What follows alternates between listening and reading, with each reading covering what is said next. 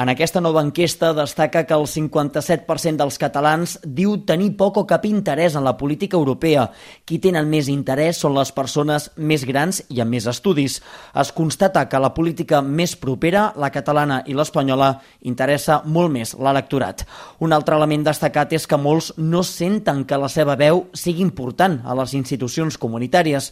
Jordi Muñoz, director del Centre d'Estudis d'Opinió. Un 80% de la, de la ciutadania pensa que la veu de Catalunya compta poc o gens a les institucions europees. L'altra cara de la moneda és que el 72% dels encastats opina que és important formar part de la Unió Europea i que clarament ser fora, com ara el Regne Unit, és perjudicial.